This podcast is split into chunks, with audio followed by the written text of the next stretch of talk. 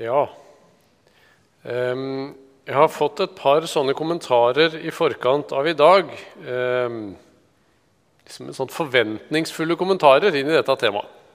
Da blir jeg jo litt mo i knærne og, og litt liten, for dette er et stort tema. Og jeg som dere føler meg kanskje litt mangelfull i møte med det vi skal være sammen om.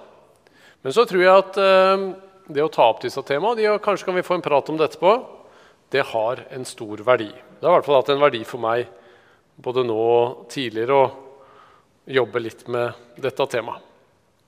Og så er det ikke sikkert, eller jeg er ganske sikker på at vi ikke kommer dit i dag at alle utfordringer og problemer og det vi har kjent på, liksom alt bare forsvinner som dugg for sola. Men kanskje får vi se, det er mitt håp og min bønn, noen nyanser som vi kan ta med oss videre, som kan hjelpe oss.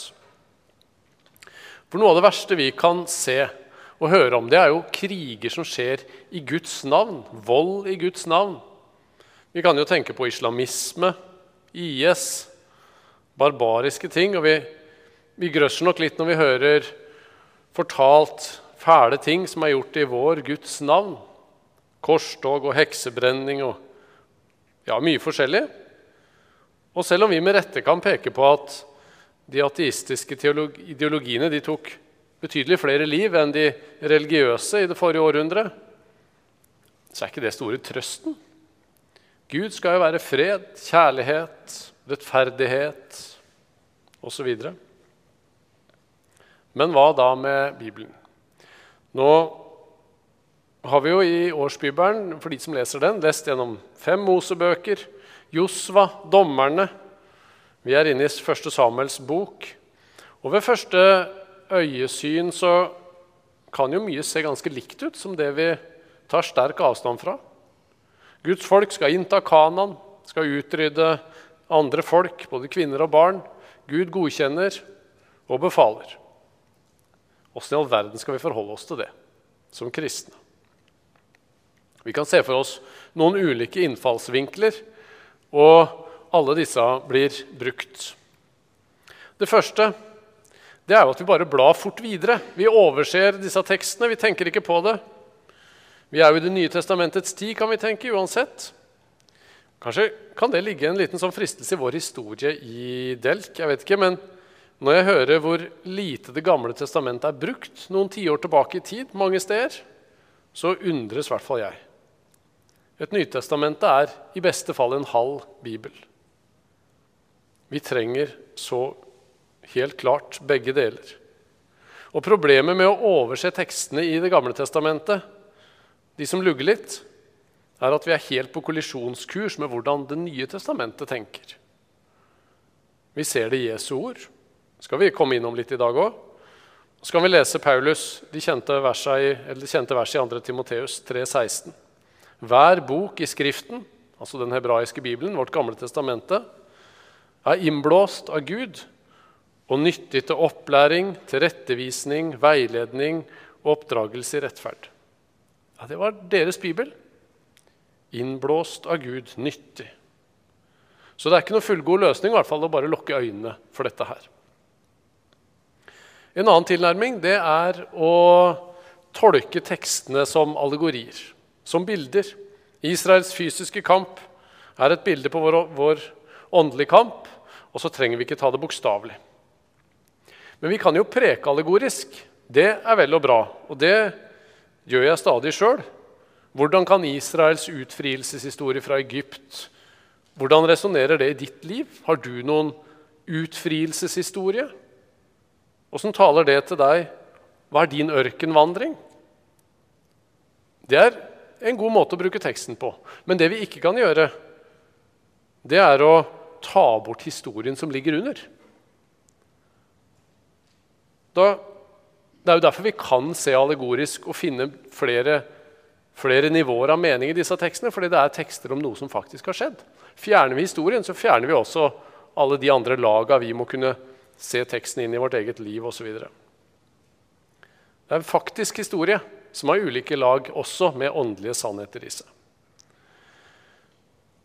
Når Jesus sier at Gud er Abrahams og Isaks og Jakobs Gud, da blir det ikke store guden om vi holder de for å bare være tankebygninger eller fiktive personer.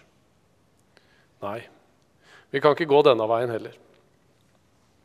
En tredje tilnærming det er å stille spørsmålstegn ved det som står.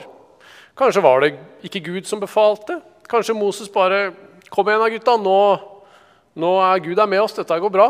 Trengte bare litt ekstra motivasjon, liksom. Og så dro han på litt ekstra for å få med seg for å få god krigsstemning blant soldatene. Men det skaper mange flere problemer enn det det løser å tenke sånn. Hvis Moses ljuger og legger på litt her, hva da med det sjette bud f.eks.? Skal vi fjerne det òg? Og så fins det jo alltid løsninger hos de liberale teologene. Det kan være å ja, Gud i Nytestamentet og Gud i Gammeltestamentet er forskjellige guder. Eh, da skal man klippe ut de vanskelige tekstene, avfeie hele Gammeltestamentet. I hvert fall det som ikke passer med mitt gudsbilde. Så er problemet løst. Bortsett fra at man kaster Jesus ut med badevannet. Og det er jo faktisk det vi observerer en del steder, at, at det nesten er det som skjer. Men i stedet for å kaste ut Jesus og alle vanskelige tekster, så må vi gå til Jesus. Hvordan forholdt han seg til disse tekstene, han som er Guds sønn? Jo, han tar dem på alvor. Vi hører aldri at Jesus bortforklarer, toner ned eller unnskylder noe av det han siterer eller tar opp fra Det gamle testamentet.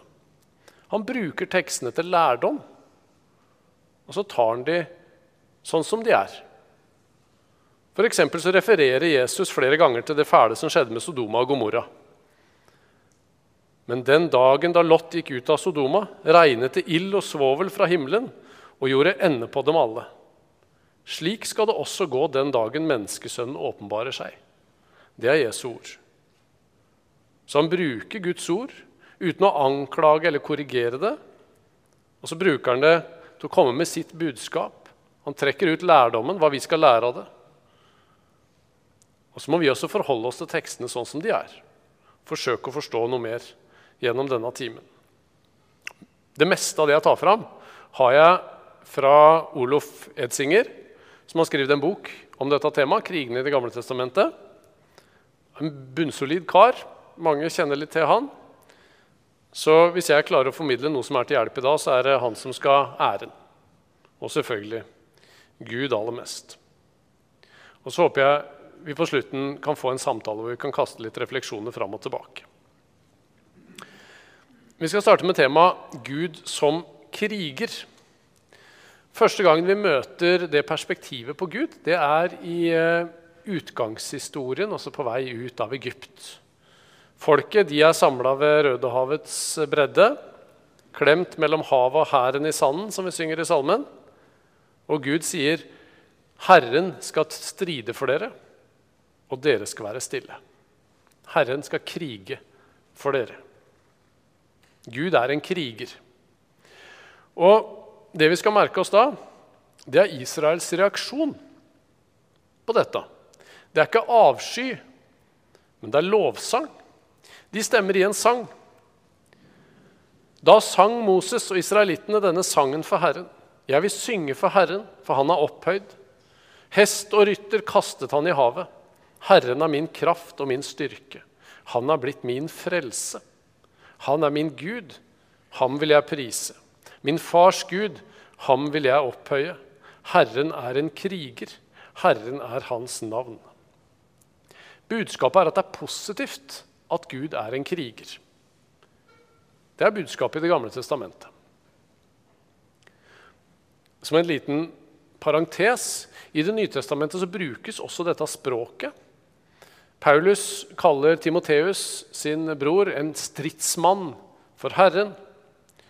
Og Vi skal ja, komme litt tilbake til hvordan Nytestamentet prater om dette å kjempe og, og kampen. Men vi må smake litt på denne tanken, vi også. Utfrielsen fra Egypt det er utgangspunktet for det som skal skje seinere. Ingenting hadde blitt bedre om Gud hadde latt folket bare bli værende som slaver i Egypt om han hadde vært pasifist Det hadde vært katastrofe det, for deg og meg. Og Gud som kriger, det møter vi også igjen i Bibelens siste bok.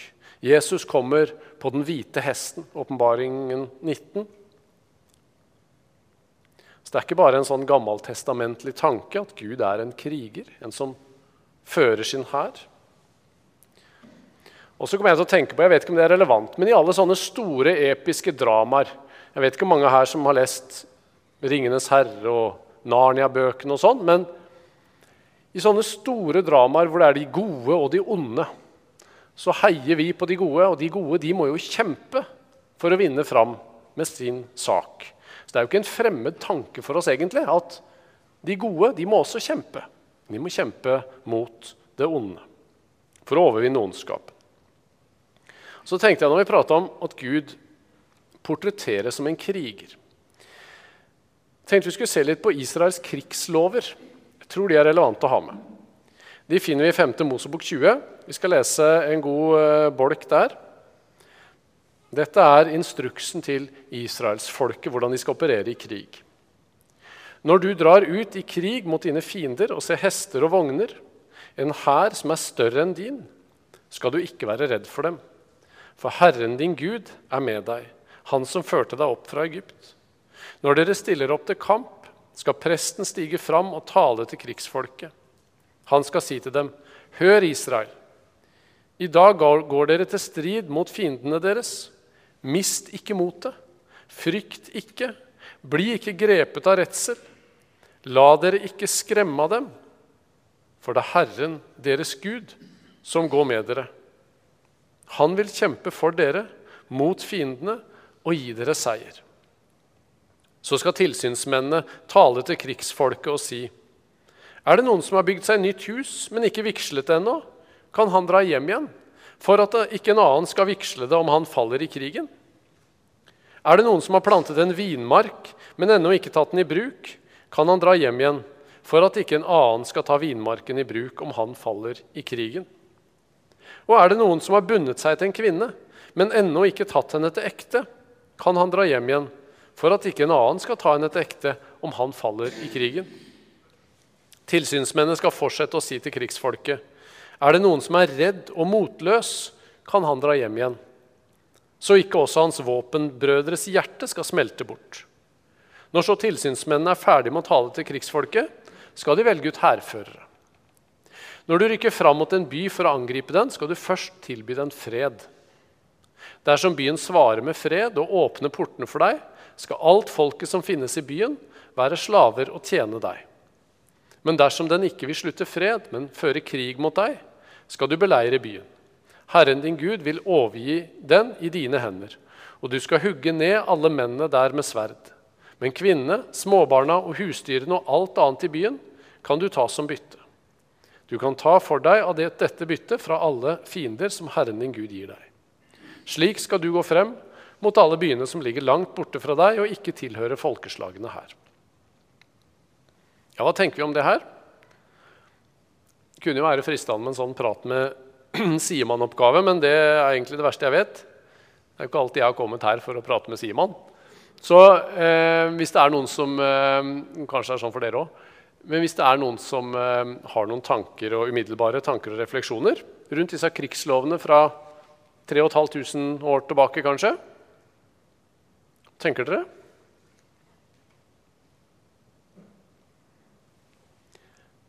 Jeg legger i hvert fall merke til at de er ganske rause på noen områder i forhold til disse soldatene. Jeg vet ikke om det er sånn i Norge i dag at hvis du er litt redd og nervøs, så kan du dra hjem igjen. Eller hvis du har forlova deg, så Nei, da er det bare å dra hjem, da. Det er Ja, nå må vi ha med altså Gud han går med. Det er jo poenget her. Gud går med, så han er ikke så avhengig av hvor mange soldater det er. For det er Gud som fører krigen. Israel var jo et teokrati. Gud var kongen. Gud var den øverste lederen. Også jordisk. Og Det tror jeg er et litt viktig poeng. At Gud var også den som skulle føre den jordiske krigen og komme med de samfunnsmessige lovene. Det var liksom ikke bare det åndelige. Så er det rause muligheter da, for å komme seg unna for soldatene. Man kan være så sjenerøs fordi det er Gud som har ansvaret. Han kriger. Husker du kanskje Gideon-historien? De som er redde, de kunne dra hjem. Og så, videre, og, så, videre. og så går det fra 30 000-40 000 mann ned til slutt til 300. Fordi ja, Gud nærmest liksom tvinger vekk de andre. Da, for det skal være et lite antall, sånn at israelsfolket ikke skal kunne skryte av sin egen militære styrke når de vinner seier. Men de må se at det er Gud som har ført krigen for dem. Det er han som skal ha ære. Det står ingenting i disse lovene her om det er forsvarskrig eller angrepskrig som er utgangspunktet. De aller fleste krigene i Gamle Testamentet er forsvarskriger. Det er noen unntak som vi skal se på i de krigene inne i Kanan, og David har noen unntak i sin periode.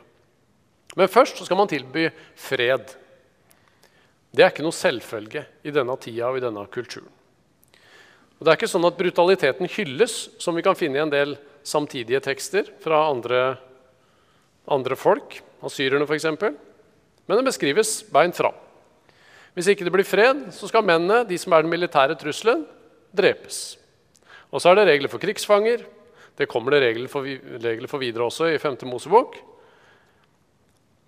Og så må vi ha med oss det at det fantes ganske gode regler, krigsregler, det gjør ikke saken enkle, men det er en viktig del, det òg. F.eks. hvis du skulle inngå en seksuell relasjon til en kvinnelig fange, så måtte du først ta til din kone og gi henne fulle rettigheter. Det er et ganske uhørt krav i en tid som det her, og jeg tipper det ville vært det i dag også. Når vi observerer og hører på nyhetene hva som skjer rundt omkring. Og så fantes det regler for seksuell renhet blant soldatene som var i krig. Det kan vi lese om i ja, 5. Mosebok 23. og vi kan, ja, vi kan jo tenke på Uria, historien med David. Og dette gjorde at krigsvoldtekter var ikke noe tema. Det skulle ikke forekomme i Guds hær hvis du holdt Guds lover.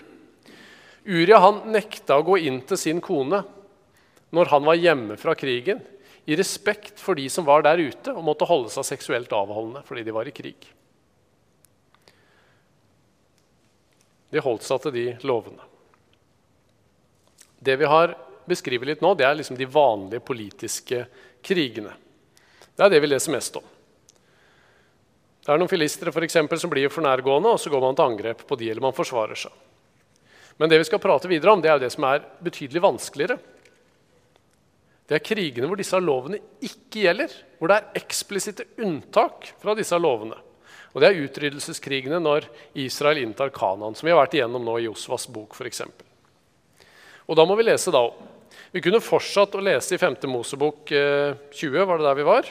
Men vi skal heller lese i 5. Mosebok kapittel 7, for der får vi enda litt mer sånn uttømmende om disse unntaksbestemmelsene fra krigslovene.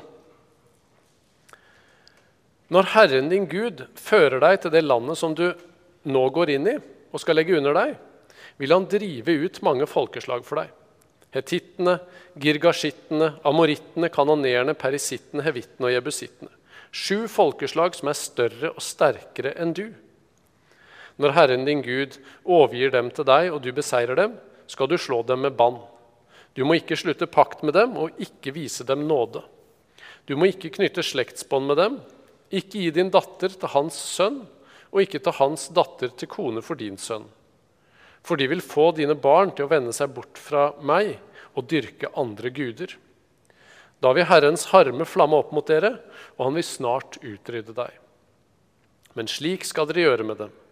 Riv ned alterne deres, slå i stykker steinstøttene, hogg ned Ashera-stolpene og brenn opp gudebildene. For du er et hellig folk for Herren din Gud. Blant alle jordens folk har Herren din Gud valgt deg til å være hans folk, hans dyrebare eiendom.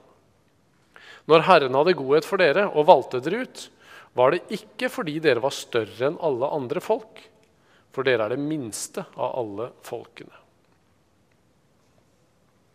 Det er jo ikke så rart hvis vi får litt sånn vondt når vi leser det her. Ingen nåde. Det møter vi jo i noen av de konkrete krigsskildringene i Josva 11 f.eks. Her skal fienden drives bort og eller utryddes. Hva er det egentlig som skjer? Her står vi i 2. Mosebok 23, så kan vi lese. Jeg vil sende bisverme foran deg, sier Gud. De skal jage hevittene, kanonerene og hetittene bort for deg. Jeg vil ikke drive dem ut før det er gått et år, for at landet ikke skal bli liggende øde og villdyrene bli for mange for deg. Det er en avveining her, altså. Litt etter litt vil jeg drive dem bort for deg, til du blir så tallrik at du kan ta landet i eie. Det står mange ganger i Mosebøkene at folkene skal drives ut. Samtidig som ordet 'utrydde' også brukes. Men tre ganger så ofte som 'utrydde' så bruker Bibelen 'fordrive' eller 'drive ut'. Hvor mange var det egentlig som måtte dø?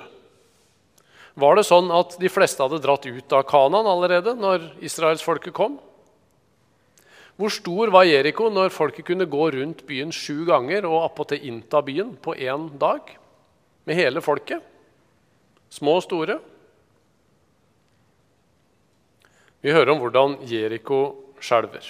Og folka rundt, de også. For de har hørt hva Gud gjorde i Egypt. De har hørt hva Gud gjorde mot Og og Sion, kongen i Basan og amorittkongen.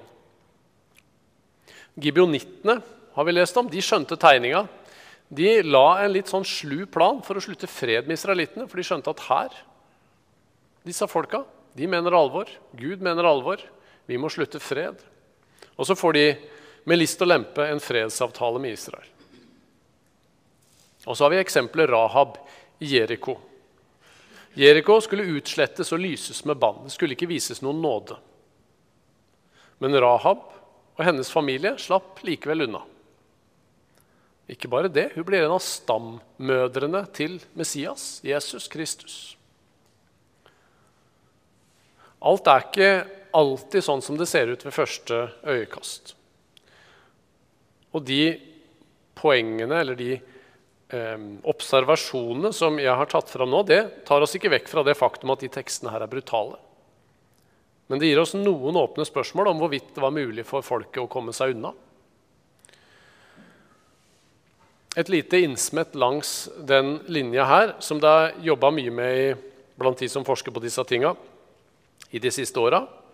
Og blant også de som holder Bibelen like høyt som oss. De peker på noe de kaller hyperbol. Overdrivelser er et godt norsk ord. Som er et sånn typisk krigsspråk fra denne perioden i, i omkringliggende kulturer også. Man ser det både i Egypt og i Moab. Vi bruker jo det kanskje litt sånn i idrett og konkurranser. Eh, vi knuste de, vil jeg si, når Western vant 4-0 over Bournemouth for et par-tre eh, uker siden. Og på søndag så grusa vi Manchester United. Det er faktisk helt sant. Vi vant 1-0. Helt suverent. Vi hadde ikke sjans. Og det er et retorisk språk kan du si, som jeg bruker. Det kan jo være noen eh, Manchester United-fans som vil løfte handa og forsøke seg på liksom, jo, men sjansestatistikken var sånn, og vi hadde ballen mer enn dere. Og... Det var vi som vant. Tre poeng. Ingen poeng til de. De kan i grunnen si hva de vil, men vi knuste de. Det er liksom ikke de objektive motforestillingene som er poenget i en sånn samtale. Krigsskildringer av typen 'ingen som pustet, ble tilbake' blir brukt i den perioden. Og det blir brukt litt på samme måten. Vi, det var ingen som ble igjen. Vi leser det stadig i bøkene. Sånne typer fraser. Og så finner vi ganske direkte spor og anerkjennelse av det jeg snakker om nå i Bibelen sjøl.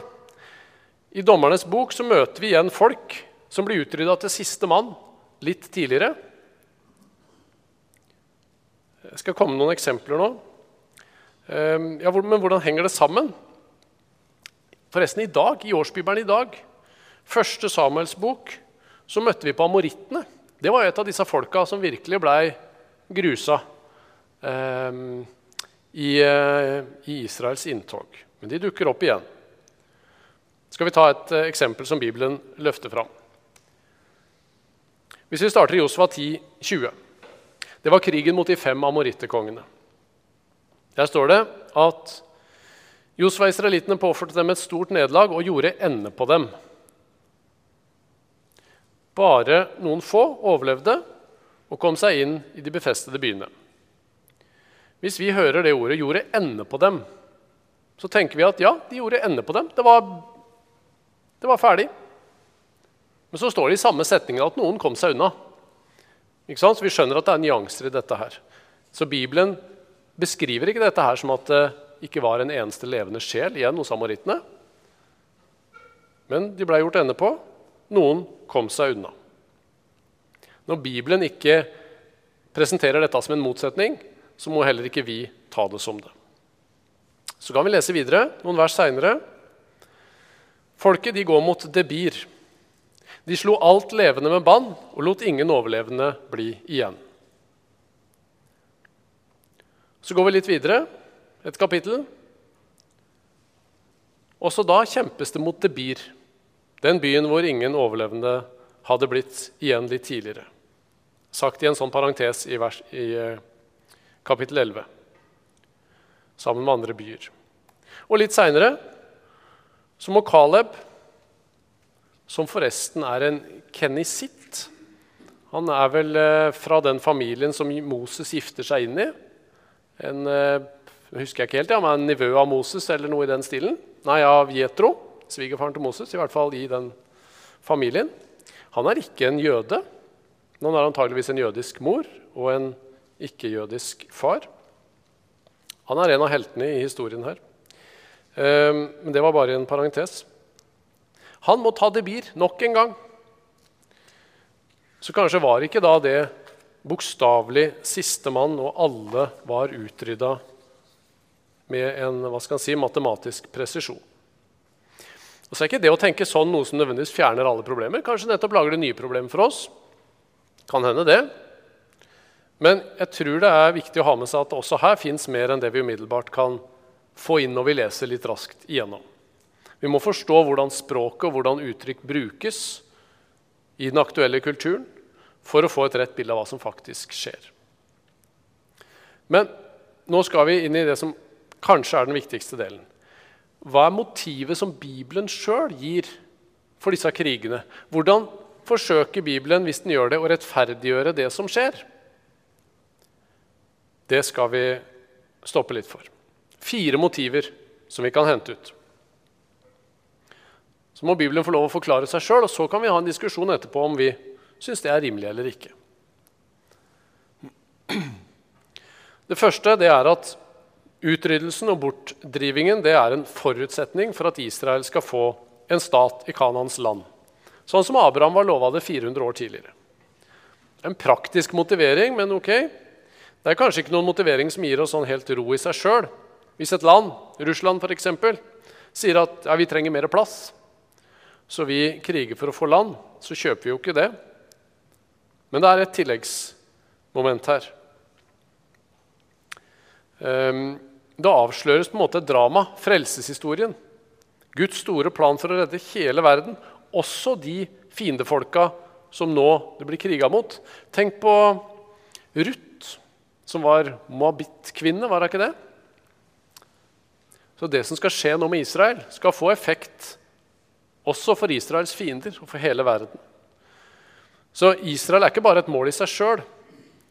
Det sies jo eksplisitt av Gud dette gjør jeg ikke fordi dere er så fortreffelige, Israel, eller så store eller så flinke. Nei, men det er en del av planen som skal gi liv og håp til alle de andre folka også. Og så valgte Gud ut et folk som skulle dyrke Herren, ha Hans lov, være et tegn for andre folk. Demonstrasjonsfolk. Så han skulle sende profeter. Og de måtte holde sin kultur og sin religion intakt, så de kunne vente på Messias til han kom. Alt dette forutsetter at Israel får et eget land, så de kan bli bevart som folk. Vi må ha med den dimensjonen, for Bibelen løfter den fram. Dom over avgudsdyrkelse. Dom over folka i disse områdene. For Israel de blei, i tillegg til å være folket som skulle peke på å gjennomføre Guds frelsesplan, så blei de også som Guds utvalgte folk satt til å være dommer over ondskapen. Guds forlenga arm noen ganger. Det står om folka i Kanan at begeret var nå fullt. Og liten skrift, men kanskje dere ser det. 5. Mosebok 9,4. Når Herren din Gud driver dem ut for deg, så si ikke ditt hjerte det er på grunn av min rettferdighet at Herren har latt meg komme inn i dette landet og legge det under meg. Nei, og lagt det under meg, kanskje? Ja.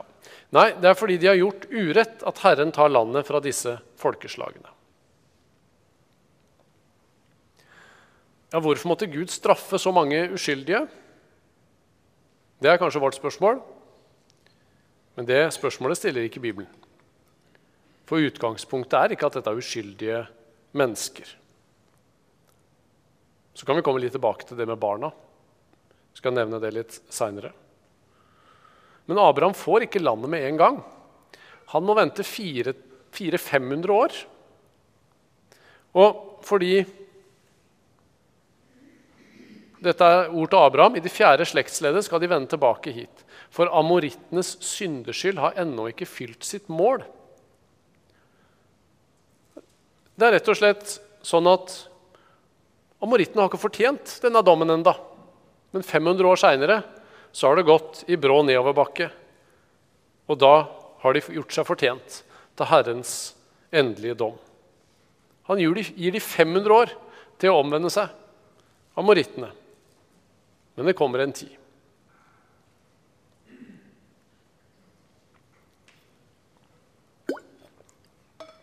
skal vi lese fra 5. Mosebok 18. Når du kommer til det landet Herren din Gud gir deg, skal du ikke ta etter alle avskyelige skikker hos folkeslagene der. Hos deg må det ikke finnes noen som lar sin sønn eller datter gå gjennom ilden, altså barneofring. Til Molok var det vel, eller om det var andre guder på den tida. Ikke noen som tar varsler, ingen tegntyder, spåmann eller trollmann. Ingen som utfører besvergelser, spør gjenferd eller spådomsånder til råds, eller søke hjelp hos de døde. For Herren avskyr alle som gjør dette. Og det er på grunn av dette avskyelige at Herren din Gud tar landet fra dem og gir det til deg. Den siste setningen er viktig i Bibelens motivasjon til hvorfor dette skjer. Det er på grunn av dette avskyelige at Israel får dommerrollen overfor disse folka. Og Dette domsaspektet det kaster lys over hvorfor Moses blir sinna når Israel ikke utrydder de moabittiske kvinnene som har lokka Israel til hor og til avgudsdyrkelse. Det kan vi lese om i 4. Mosebok, eh, kapittel 31. En ganske, Vi kunne stoppa for den historien òg. Ganske brutal. Moses blir sinna på folket fordi de ikke har utrydda kvinnene når de inntar og straffer Moab. Og Bakgrunnen er at kvinnene har lokka israelittene, soldatene, til hor og til avgudsdyrkelse.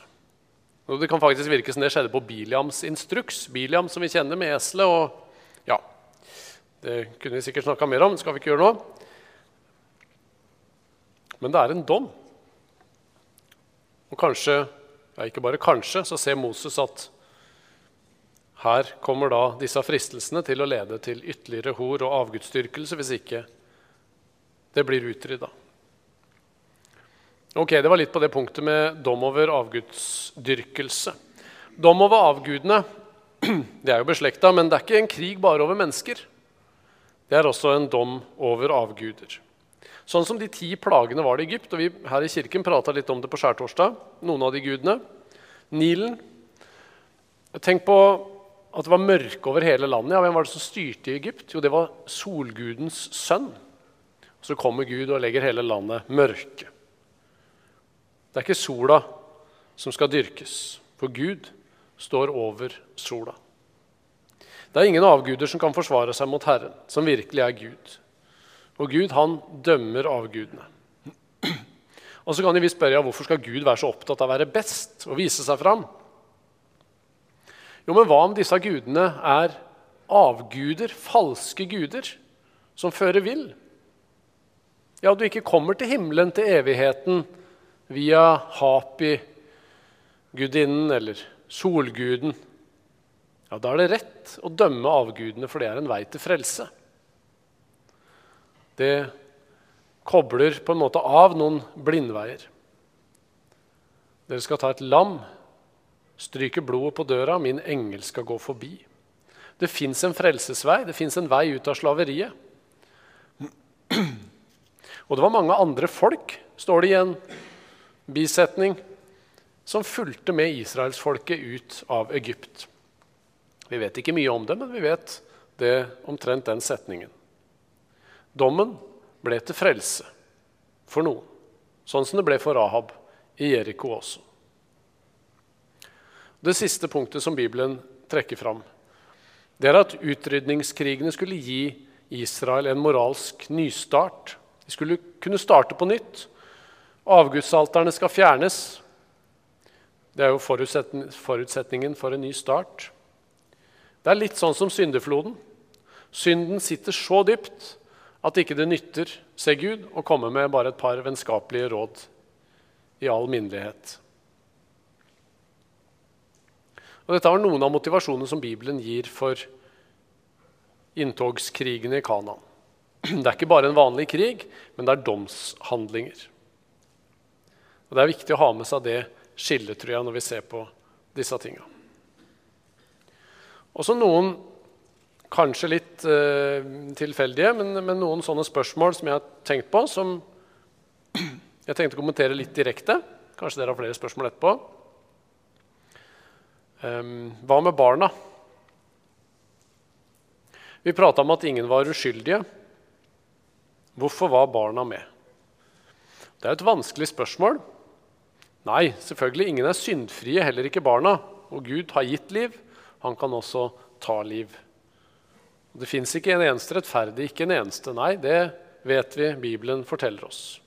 Heller ikke oss. Vi er helt avhengig av Guds nåde. Men fortsatt Som i syndfloden så virker det som om hele sivilisasjonen var så forderva at vi må starte fra scratch. Og For hver generasjon blir det verre og verre. Nå kunne barna uansett ikke overleve uten sine foreldre. Så jeg vet ikke hva som hadde vært verst. I GT, så er, i Gammeltestamentet så er domshandlingene har liksom en litt mer kollektiv art. Sammen med frelseshandlingene. Og så vokser bildet fram i Det gamle testamentet, på vei mot, gjennom historien, på vei mot det nye. Vi kan f.eks. lese Jeremia 31. På den tid skal de ikke lenger si fedrene spiste sure druer og barna fikk dårlige tenner. Men hver skal dø for sin egen synd. Den som spiser sure druer, skal selv få dårlige tenner. Det vokser fram et bilde hvor vi mer og mer blir enkeltvis ansvarlige overfor Gud og skal stå én og én i dommen. Og i dommen kan det vel, for det vi vet, stå fram folk fra Sodoma og Gomorra som individuelt blir frikjente. Jesus, Det er mulig det er å spekulere. Dere får ta meg på det. Jesus hinter nesten til det gjør han ikke det, når han sier om byene som forkaster hans ord. Og så Kapernaum spesielt. Så sier han, men jeg sier dere, på dommens dag skal Sodomalandet slippe lettere enn du. Kanskje vil det også være sånn fra folk i Ai, Jeriko, Lakish. Jeg vet ikke, men jeg tror i hvert fall vi må holde den døra åpen om at Gud kan frelse enkeltmennesker som kommer under en kollektiv dom. Og dette med dom, det er jo Mye av det som er vanskelig, er knytta til konseptet dom i Bibelen. Hvorfor må Gud dømme? Må vi jo ikke glemme Bibelens perspektiv om at dom og frelse henger helt uløselig sammen. De står ikke opp imot hverandre, nei, de er to sider i den samme historien. Og så kan vi lese en profet som vi ikke veldig ofte leser, Nahum. I samme bolk der, vers 2, 3 og 7, samme kapittel, så kan vi lese Herren er en nidkjær Gud som tar hevn. Herren tar hevn og er full av harme. Herren tar hevn over motstanderne. Han holder fast på vreden mot fiendene. Herren er sen til vrede. Hans makt er stor. Herren unnlater ikke å straffe. Det var de to første versene som står etter hverandre. Og så litt videre. Herren er god. et vern på nødens dag. Han tar seg av dem som søker tilflukt hos ham. Herren er en hevner. Herren er sen til vrede. Herren er god og et vern på nødens dag. Alt i samme tekst, i samme pust. Ingen motsetninger for Nahum. Gud er både hellig og nådig. Guds dom er ikke tegn på lav moral hos Gud. Dommen er tvert imot et uttrykk for Guds høye moral, rettferdig og hellig. Det er bare en god Gud som vil dømme ondskap. Å ha en hellig vrede over det som bryter ned Guds gode skaperverk. Vi kan ikke stole på en Gud som ikke dømmer ondskap.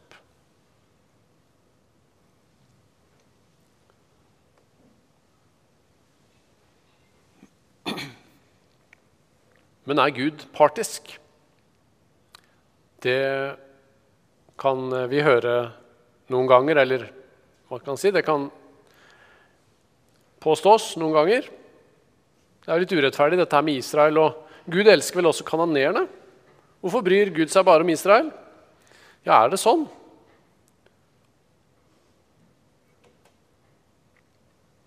Vi skal lese noen vers som vi også har vært igjennom i årsbibelen for ikke så lenge siden. Josva 5. En gang Josva var ved Jeriko, så han opp og fikk øye på en mann som sto framfor ham med løftet sverd i hånd. Josva gikk bort til ham og sa, 'Er du med oss eller med fiendene våre?' Mannen sa, 'Nei, jeg er føreren for Herrens hær. Nå er jeg kommet.' Da falt Josva ned med ansiktet mot jorden og sa, 'Hva har min herre å si til de, sin tjener. Føreren for Herrens hær svarte Josva, ta skoene av føttene, for stedet du står på, er hellig. Det gjorde Josva. Hva som skjer her? Dette er liksom brua mellom ørkenvandringen og krigen i Kanan. Dette er vel før, ja, før de inntar Jeriko. Og så spør Josva, er du med meg eller med dem? Så er du med oss eller med fiendene våre?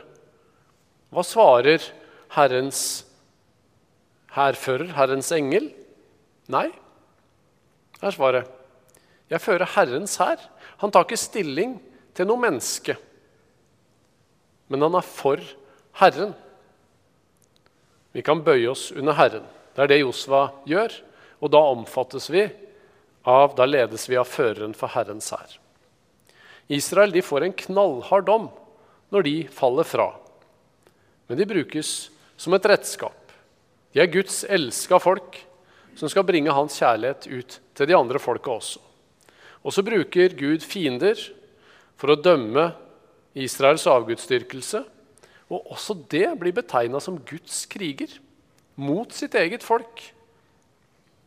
Jeg tror kanskje det er Jeremia 21 vi kan se det husker jeg ikke helt. Herren, han strider for sitt rike. Gud forsvarer ikke urettferdigheten, enten den er her eller der. og Sånn er det også i dag. Men hva med den nye pakt?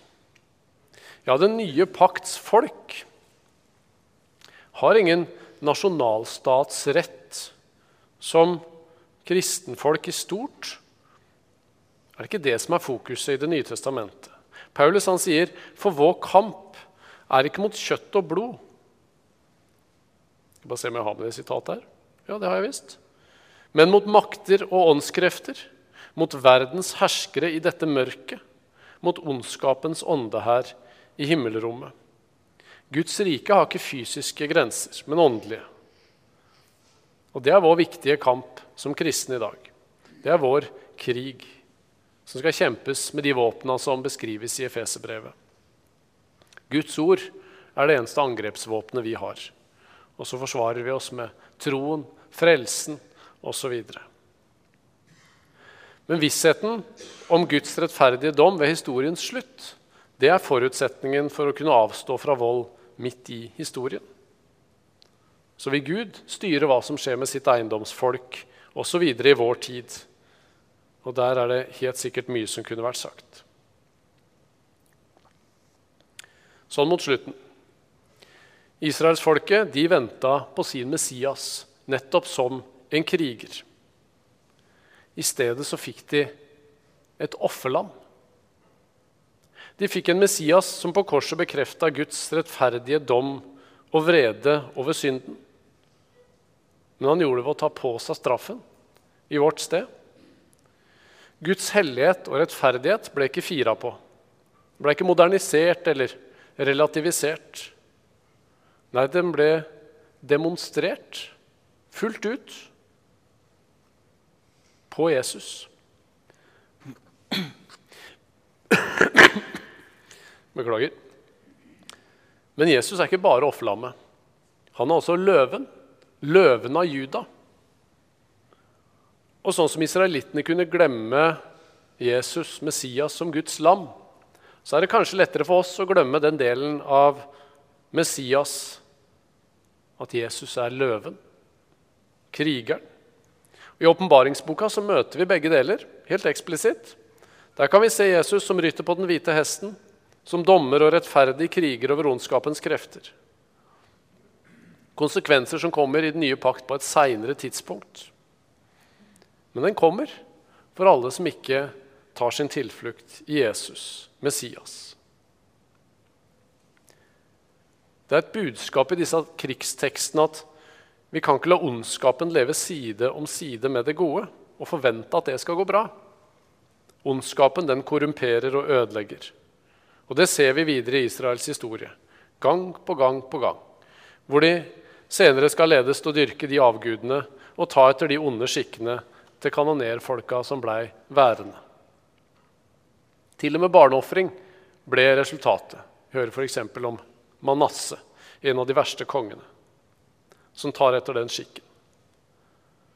Og så oppfordres du og jeg da, til å omvende oss fra ondskapen til å rense ut surdeigen i vårt liv, som er Det nye språk, sånn at ikke vi ledes bort fra Gud. Vi må lese en hel bibel. Både Jesus som offerlam og Jesus som løve. Både Gud som rettferdig dommer og Gud som kjærlig far. Både Det gamle og Det nye testamentet. For i det så rommes en hellig, kjærlig, rettferdig, trofast, sann Gud. Ja, som det står Sent til vrede, rik på nåde og sannhet. Det er en sånn Gud vi har, også der hvor ikke vi forstår alle kriker og kroker av det vi har fått åpenbart. Selv der, og på et tema som i dag, så kan jeg få hvile i det. Gud er rettferdig. Gud ser det som jeg ikke ser. Og så, ja, Jeg tror jeg skal hente, mens dere tenker på eventuelt et uh, siste spørsmål eller tre, så skal jeg hente opp noen, eh, et par eh, eh, ja, problemstillinger som, som Andreas tok opp. Han hadde jo et foredrag for et år siden, tror jeg. Så jeg har henta et par bilder fra han. Eller det er vel mer enn det. Hva er problemet vårt? Er det mangel på kunnskap? Eller er det at vi liksom er broken, at vi er ødelagt, at vilje, vår vilje og vårt vesen er korrumpert. I samfunnet, og også i islam, som man nevner her, så er jo vi vil si at jo, nei, problemet er mangel på kunnskap. Vi må ha mer eh, undervisning, kunnskap osv. Um, ehm, og så er ikke det Guds svar. Og hvordan skal Gud da hva skal han si, forklare, forklare oss at det er ikke dette som er eh, problemet. Jo, Gud lar mennesker prøve dette her. Prøve kunnskapsveien for at hver munn skal tie og hele verden står skyldig for Gud. Vi får lov. Vi får loven. Vi får gå lovens vei og se hvor det fører oss. Og så noen eksempler. Og dette er jo typisk da i når israelsfolket får loven. Det skjer opprør, det, kom, det er ulydighet. Vi har flere sånne episoder i ørkenen. Og så kommer det masse ny kunnskap, masse nye lover, men det skjer ingen forbedring. Det er de samme falla kommer om igjen og om igjen. De samme hedningene, vi nevnte disse amorittene, de får masse år, de får masse tid. Men de bruker ikke tida, de bruker ikke kunnskapen, de bruker ikke mulighetene til å kjenne Gud.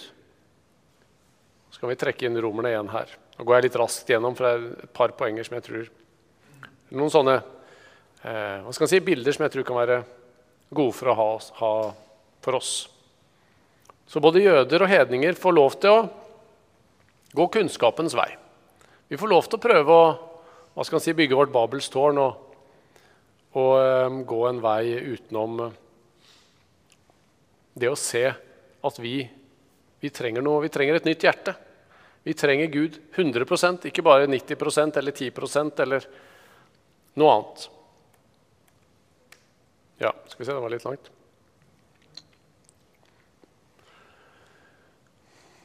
Så hvis det er problemet vårt, da, at vi er helt ødelagt Vi kan jo bruke begrepet arvesynd da, hvis en skal teologisere her. Jo, hva gjør politiet med kriminelle nettverk som planlegger kriminelle handlinger? Jo, det må avsløres. Det må komme inn spioner. Det, må, ehm, det, det store målet er å få avslørt dette her til slutt.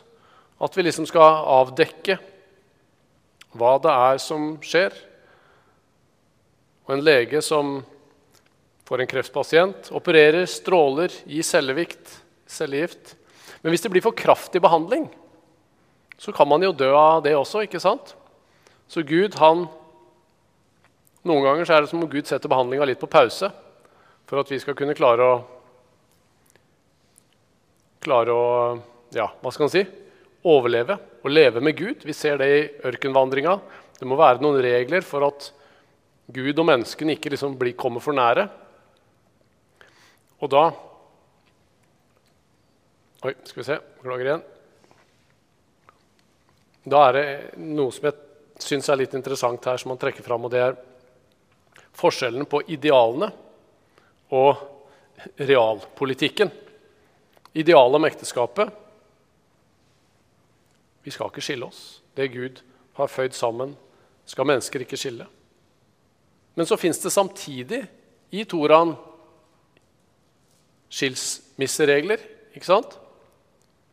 Fordi dere har så harde hjerter. Ideal og realpolitikk to forskjellige ting. Og samme her, om krig og død. Folk skal ikke løfte sverd mot folk, ikke lenger læres opp til krig. Det er idealet. Her tegnes det et bilde av hvordan det skal være, hvordan det burde være. David han slo filisterne, kriga. Det var på en måte realpolitikken.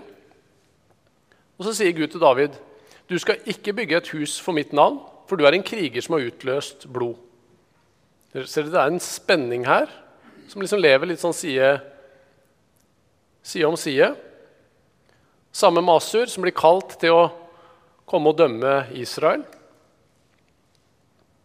Men de lever ikke opp til Guds idealer. De har ikke reine motiver, så de får også sin dom.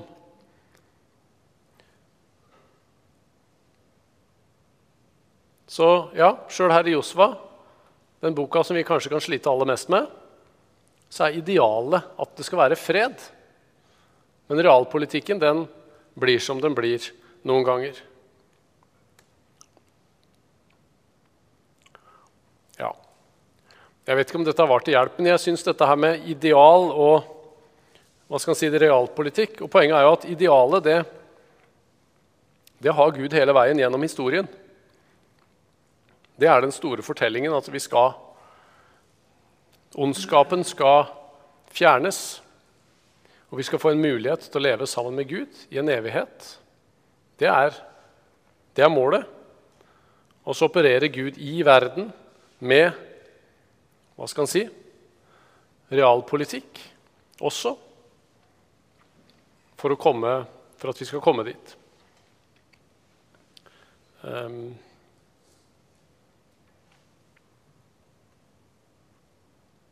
Ja, nei, jeg tror vi jeg tror stopper der, for jeg har ikke dette her så under huden.